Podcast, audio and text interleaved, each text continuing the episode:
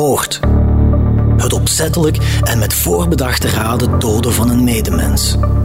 Het is het zwaarste misdrijf dat iemand kan begaan.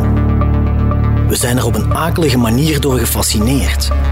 Hoeveel romans, films en andere verhalen behandelen dit duistere thema? Helaas is moord niet altijd fictie. Integendeel. Er wordt gedood uit passie of jaloezie, uit wraak, lust, voor geld of botweg uit haat. In deze reeks analyseren we verschillende ophefmakende Limburgse moorddossiers, van plaatsdelict tot veroordeling. En gaan we op zoek naar de motieven die in het verknipte hoofd van de dader zijn gruwel rechtvaardigen. Ik ben Geert op Teinde en dit is Van Moord tot Verdikt. Dood in het jeugdhuis, deel 3. De angst voor Meulenberg. Op woensdag 13 oktober 1993 wordt Mark Bos ten graven gedragen. Vier dagen eerder is de 22-jarige para doodgestoken tijdens een jeugdvuif in Houthalen, na een ruzie met vijf ruilschoppers uit Meulenberg. Houthalen is niet alleen een rouw, maar ook in shock. En de verontwaardiging over wat er gebeurd is, slaat tijdens de indrukwekkende uitvaart van Mark om in regelrechte woede. Dat vertellen Gert Lemmens en Jeroen, die destijds op de vijf aanwezig waren en het drama van dichtbij hebben meegemaakt. Ja, dat was een heel pakkend moment eigenlijk. Ehm, de kerk zat afgeladen vol, uh, er waren te weinig plaatsen. Er was ook een hele afdeling van, van, een, uh, van de paras, waar Mark lid van was, was ook aanwezig. En dat is, ja, dat, is altijd iets indrukwekkend. En ook gewoon uh, ja, de manier waarop dat die mannen daarmee omgaan en, en toch eer betonen aan, dat was voor mij echt ja, een beetje indrukwekkend om te zien. Dat is toch iets ook wat altijd is bijgebleven. En dat er, dat er een heel doodse stilte in de kerk uh, hing. En dat iedereen echt gepakt was. Uh, mensen kwamen echt naar de, naar de begrafenis om, ja, omdat iedereen daar niet, ook niet goed van was. En dat je, soms gaat je naar de begrafenis om je medeleven te, te betuigen. Maar dit was echt, ja, dit is iemand die vanuit Houtaal is. En die dat ook iedereen kent. En dan maakt het dat toch extra ja, speciaal, is niet het goede woord, maar ja. Ja, dat was een heel emotionele gebeurtenis. Uiteraard, veel jongeren, 16, 17, 18, zijn natuurlijk gevoeliger dan mensen van uh, 35, 40. En in mijn herinnering mochten wij van uh, de directeur van onze school, iedereen die wou gaan naar de begrafenis, mocht gewoon gaan zonder papiertje of zonder toestemming of weet ik veel. En de kerk zat uh, afgeladen vol, dus alle stoelen bezet en alle gangen stonden vol met mensen. Ik herinner me dat er collega's van Mark daar waren in gevechtsuitrusting en dat dat wel indruk maakte, zeker op jongens en meisjes van 16, 17, 18 jaar. En aan het begin van de viering nam de pastoor het woord en zei iets in de zin van: We zijn hier om te denken dat uh, Mark Bos ons ontnomen werd. En toen riep één aanwezige heel hard: Vermoord. En daar ging natuurlijk een enorme rilling uh, door de kerk toen.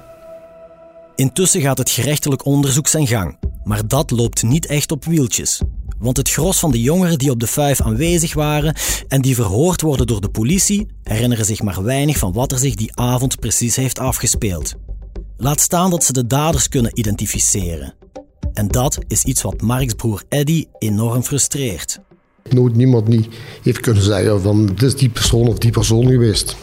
Ik kan dat niet begrijpen. Ik doe zelf. Ik heb nu zelf de ja, laatste tien jaar heel veel security gedaan op vuiven. Ik, uh, en ik zeg, ja, ik kan dat niet begrijpen. Ik heb genoeg vechtpartijen ook gezien. Zo groot is het al niet.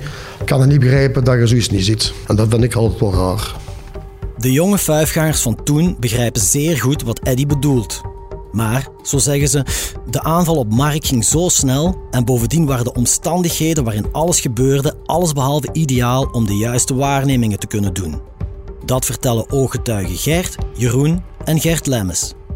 Ja, de meesten zullen verhoord geweest zijn, omdat dat natuurlijk een moordonderzoek uh, is geworden dan. En ik kon me dat niet herinneren, maar uh, toen ik met mijn ouders sprak uh, deze week daarover, toen wisten zij mij te vertellen dat ik inderdaad dus ook uh, bij de politie verhoord ben geweest. En toen kwam dat wel een beetje vaag terug van inderdaad dat ik daar foto's voorgeschoteld kreeg waar ik dan mensen moest aanduiden. Maar ja, ik kon dat wel mensen aanduiden die ik daar gezien had, die ik wist dat daar waren. Maar ik had, niet, ik had niet in detail gezien wie of wat of wat er gebeurd was. Ik kon niet echt aanduiden wie dat er precies uh, het gedaan had of zo. Ja, daar stond veel volk rond. En hoe is te verklaren dat, zij, dat niemand echt iets gezien heeft? Ik kan alleen voor mezelf zeggen dat ik, ik stond er niet vlakbij. Ik zag het tumult, maar ik zag geen individuen die eigenlijk bepaalde handelingen deden. Dat was een geduw en een getrek. Het ging over veel mensen die tegelijkertijd van alles aan het doen waren. Waardoor ik zelf meer naar het geheel aan het kijken was van wat gebeurt er? Uh, gaat dit... Uh, Wordt het een gevecht of, of, of, gaat het stoppen of blijft het duren? Of wat, wat, gaat er, wat gaat er komen? Zonder echt op de details te letten. Ik denk dat dat... Nu, iemand die op de eerste rij stond, moet dat gezien hebben. Maar door... Allee, in mijn herinnering ging dat wel een beetje door de zaal. Dus iedereen ging wat in die... In die, in die beweging mee, van duwen en trekken. En, en je werd zelf ook mee bewogen in de massa eigenlijk. Waardoor dat je misschien meer bezig was met ik moet hier blijven rechtstaan en ik mag niet verdwijnen in de massa, want ik wil er eigenlijk niet tussen geraken. En dat je daardoor misschien niet echt aan het opletten was van wat gebeurt er of wie doet wat. Ik denk dat dat een beetje het gegeven was. Het is natuurlijk uh, een 18-jarige ton erbij. De meeste mensen al wat gedronken hebben, dus dat is al moeilijk om dan dingen correct te herinneren. Plus denk ik in chaos als je zeg maar iets met vijf man rond iemand staat, dan is het haast onmogelijk te zien om wie van de vijf een eventuele messteek heeft uitgedeeld. Ja, dat gebeurt allemaal in een flits. Je weet dat er iets gebeurt, maar om dan exact te zeggen, die heeft dit gedaan of die heeft dat gedaan, is, dus, dat gaat zo snel, dat is volgens mij onmogelijk. En ik, ik verschiet er niet van dat niemand het effectief gezien heeft, want zoals ik al zei, in een flits is het voorbij. En toch, volgens broer Eddy is er meer aan de hand.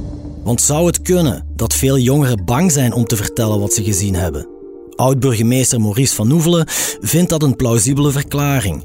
En ook Jeroen en Gert Lemmes zien het als een mogelijkheid, al zijn zij wel iets voorzichtiger in die conclusie. Ik weet niet of mensen bang waren om uh, dingen te vertellen die ze eventueel toch gezien hadden.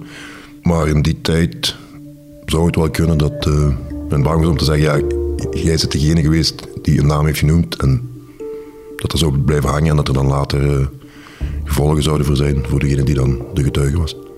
Ik denk dat in die tijd Meulenberg zijn reputatie wel, wel wat tegen had. Um, tegenwoordig is, het veel beter op Meulenberg, maar in die tijd sprak men toch over uh, zware criminaliteit. En um, ik kan dat gerust uh, volgen dat mensen zeggen van ik ga niks zeggen, want je weet nooit wat er achteraf gebeurt. Dus de hele reputatie die Meulenberg op dat moment had, zal eh, niet in hun voordeel gespeeld hebben. Maar ik weet ook dat bij vele mensen het, het gewoon niet is van niet willen zeggen, maar ook gewoon echt van niet kunnen, van het gewoon niet, ze hebben het gewoon niet gezien. Ja, ik denk dat eh, heel veel van die jongeren natuurlijk, uh, die hadden schrik, die hadden angst.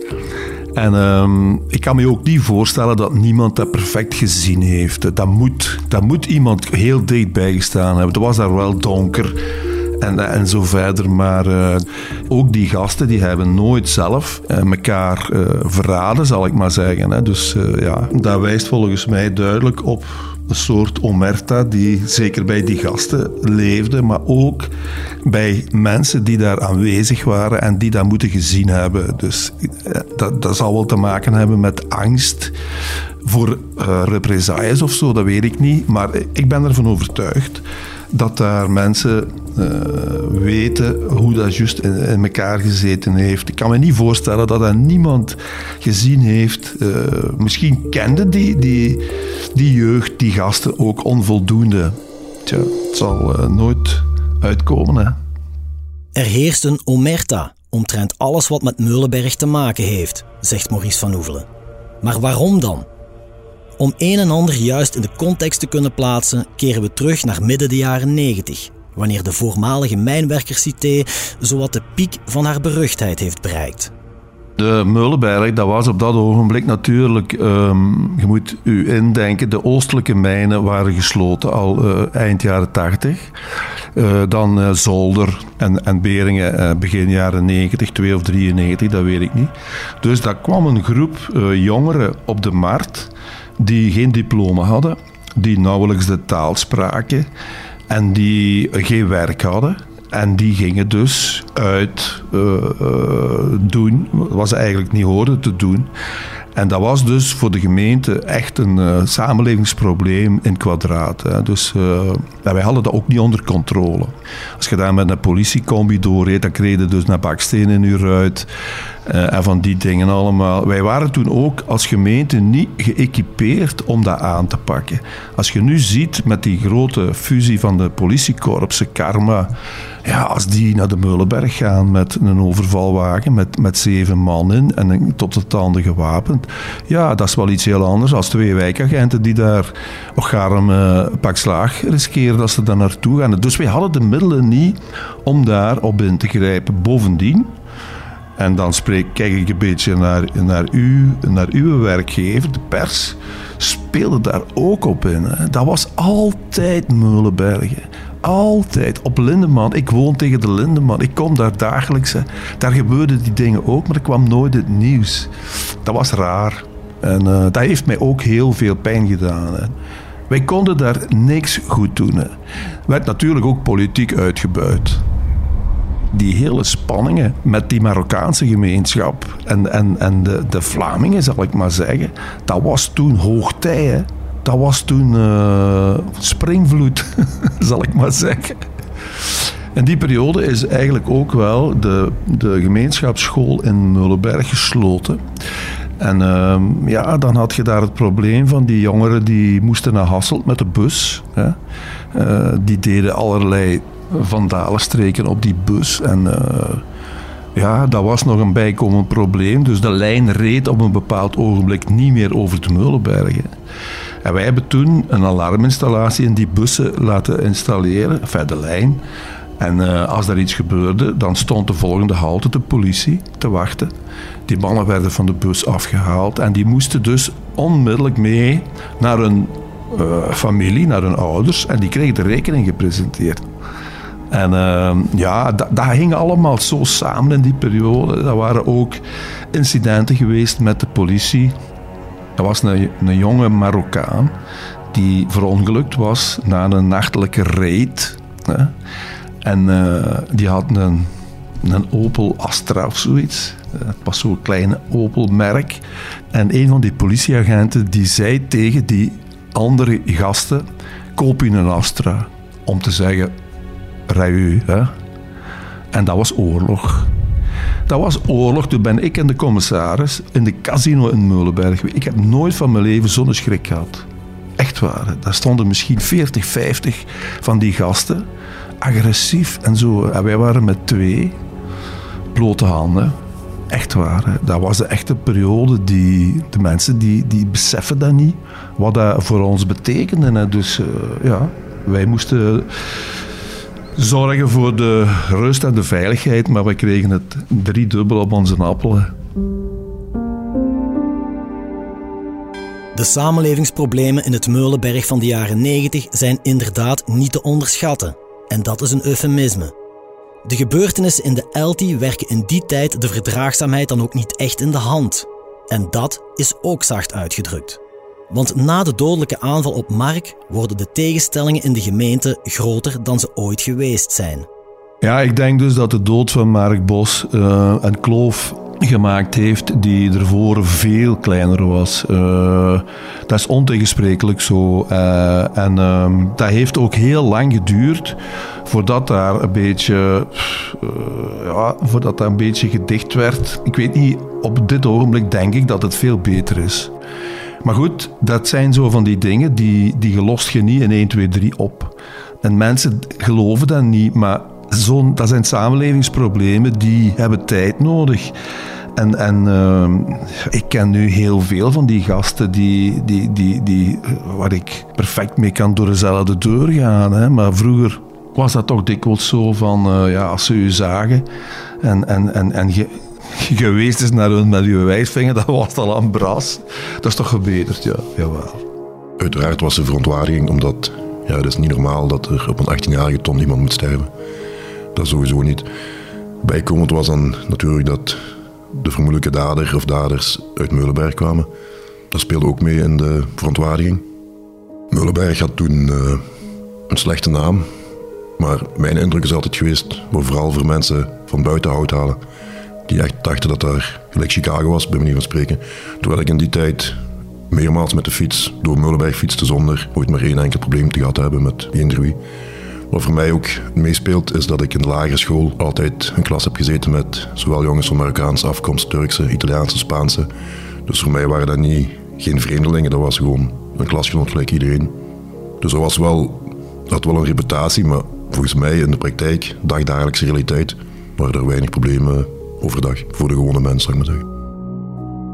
Wij woonden niet te ver van, van Mullenberg en ook bij ons op de wijk woonden heel veel migrantenjongeren die wij dagelijks tegenkwamen op school, in de sportvereniging. Dus voor ons was dat makkelijker om te zeggen, we gaan niet veralgemenen. Maar ik snap dat voor de oudere mensen dat dat misschien niet zo evident was. En dat, dat die daardoor nog meer afstand gingen nemen dan dat ze al hadden. En het hele incident heeft uh, aan dat hele integratieproces niet, niet bijgedragen. Ja, natuurlijk, er, er wordt heel veel verteld achteraf. Um, ook door mensen die er niet waren. En dan, dan krijg je van die cowboy-verhalen. En, en ja, het, gewone, uh, hoe kan zoiets gebeuren? En, en uh, dat zou niet mogen gebeuren. En ik weet het, ja, van die dingen. Maar ja, ik, ik herinner mij dat we, dan, dat we op, op de begrafenis en zo waren. En dat er, uh, dat er mensen zeiden van ja, er moet dringend iets aan gebeuren. En we gaan, Mullenberg moet, moet, moet schoongemaakt worden en dit en dat. Maar dat zijn zo de momenten direct achteraf. En, en ik denk dat dat daarna wel een beetje gaan liggen is. Maar ja, ik denk dat het voor iedereen gewoon heel moeilijk was om dat te kunnen vatten wat er juist gebeurt. Als je verwacht zoiets niet in een klein dorp, uh, met al respect, als Zoutaal. Ik denk dat die kloof misschien inderdaad tijdelijk iets groter is geworden tussen mensen met migratieachtergrond en mensen die dan ouders en grootouders hebben die hier geboren zijn. En voor mijzelf heeft dat misschien eventjes meegespeeld, maar dan dacht ik terug aan mijn jaar in de lagere school.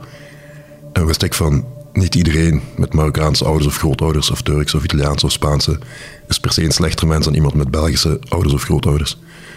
Ik herinner mij dat de leraar Latijn, toen een zeer betrokken leerkracht, een van zijn leerlingen, iemand met Turkse roots, een speech heeft laten schrijven en laten voorlezen voor de hele school, of misschien alleen voor de vijfde en zesdejaars, dat weet ik natuurlijk niet meer. En die speech riep hij ook op tot verdraagzaamheid. En één zin is me altijd bijgebleven en dat was: waarom moeten mensen van mensen haten? Dus in die zin van: maakt niet uit welk geloof, welke afkomst, probeer niet om elkaar te haten, maar probeer om elkaar lief te hebben. Het is duidelijk. De problemen in Meulenberg zullen niet meer in 1, 2, 3 kunnen worden opgelost. Daarvoor is er veel te veel gebeurd. Maar wanneer in een samenleving verontwaardiging en woede de kop opsteken, ontstaat er vaak ook een tegenbeweging die net oproept tot solidariteit. En dat is nu niet anders, vertelt de burgemeester van toen. Ja, ik herinner mij dat uh, kort na die feiten is er een protestmars uh, geweest. Ik denk georganiseerd door de Giro, waar ik trouwens aan deelgenomen heb. En dat was heel vreedzaam. Dat was dus eigenlijk wel een goede uh, een goede zet van die jeugdorganisaties die zeiden, ja kijk, het is gebeurd. We gaan toch moeten proberen van, uh, op een fatsoenlijke manier samen te leven. En jawel, dat, is, dat was trouwens een actie die heel veel mensen op de been gebracht heeft. Hoe je het ook draait of keert, de spanningen in hout halen dwingen de burgemeester en zijn bestuur ertoe om snel actie te ondernemen om zo de veiligheid in het dorp te kunnen blijven waarborgen. En die maatregelen die laten niet lang op zich wachten. Ja, kijk, in die tijd was het zo dat uh, die fuiven die vonden plaats, maar dat was eigenlijk nooit bekend bij het gemeentebestuur, bij de politie, bij niemand. Dat, dat, dat gebeurde allemaal incognito. En uh, het is pas eigenlijk toen, bij die gebeurtenis uh, waar we het nu over hebben, dat um, onze frank gevallen is dat wij toch een reglement moesten maken om dat in goede banen te leiden. En ik heb er ook onmiddellijk na die feiten een verbod opgelegd met uh, heel wat kritiek van de jeugdbewegingen. Maar dat had dus wel als gevolg dat bij elke vijf moest men een aanvraag doen bij de jeugddienst van de gemeente. Daar werd een onderzoek gedaan naar de veiligheid, naar, naar nooduitgangen, naar alles en nog wat. De politie ging controle doen naar de veiligheid. De verzekering moest daar zijn, zijn, goedkeuring voor geven hè, en zo verder. En dat heeft toch wel vanaf dat moment een verbetering uh, met zich meegebracht. Dus die, die wildgroei die, die was weg. Maar die maatregelen werden mij niet in dank afgenomen, omdat dat was zo van, ja, nu moeten ons kinderen boeten voor die vier of ik weet niet hoeveel gasten. Hè? Ja, ik moet daar geen tekening bij maken wat er nog allemaal bij gezegd werd. Hè. Voor de rest, je hebt nog altijd de vrijheid van vereniging in België. dus we konden ook niet alles op slot gooien. En dus dat reglement, dat was al het maximum dat wij konden verdragen. Ook in de jaren die volgen wordt er actie ondernomen om de situatie in Meulenberg te verbeteren en om de multiculturele wijk het elan te geven dat ze verdient. Minstens één initiatief zal daarbij van cruciaal belang zijn, zo blijkt. Na die eh, gebeurtenissen was het duidelijk voor iedereen dat de situatie op Meulenberg eigenlijk onleefbaar was. En met die appartementsblokken, 84 appartementen, niet veilig, geen, eh, geen compartimentering. Dus als er een brand kwam in de eerste verdiep, dan was heel de, de, zaak in de fik. In 2002 ben ik voorzitter geworden van Campus Thuis. En dus de situatie op Meulenberg, we hebben daar 104 woningen in de plaats gezet van die 84, met een uh, lokaal gemeenschapslokaal uh, en zo. En dat heeft wel geholpen. En een van de kantelmomenten is dit geweest natuurlijk. In het jaar na de tragische dood van Mark Bos gaat de storm in Houthalen langzaam maar zeker liggen. Onder andere dankzij de maatregelen van het gemeentebestuur wordt het opnieuw wat rustiger in het dorp en in Meulenberg. Zoals dat gaat, herneemt de bevolking het dagdagelijkse leven en stilaan verplaatst het gebeuren zich naar de achtergrond. Tot in oktober 1994, een jaar na de feiten het proces tegen de vijf beschuldigden van start gaat. En dat rijdt de wonden weer genadeloos open. Morgen meer daarover, in het vierde en laatste deel van Dood in het jeugdhuis. U luisterde naar Van Moord tot Verdikt, een true crime reeks van HBVL Podcast. Samenstelling door Geert op Teinde, Filip Perges en coördinator Cato Poelmans. Montage en audioprodactie door de buren. Chef podcast is Geert Nies. Reageren? Dat kan via podcast@hetbelangvanlimburg.be. Benieuwd naar wat er in de wereld gebeurt en wat dit juist betekent voor onze provincie? Ontdek onze voordelige leesformules op hbvl.be/voordelig.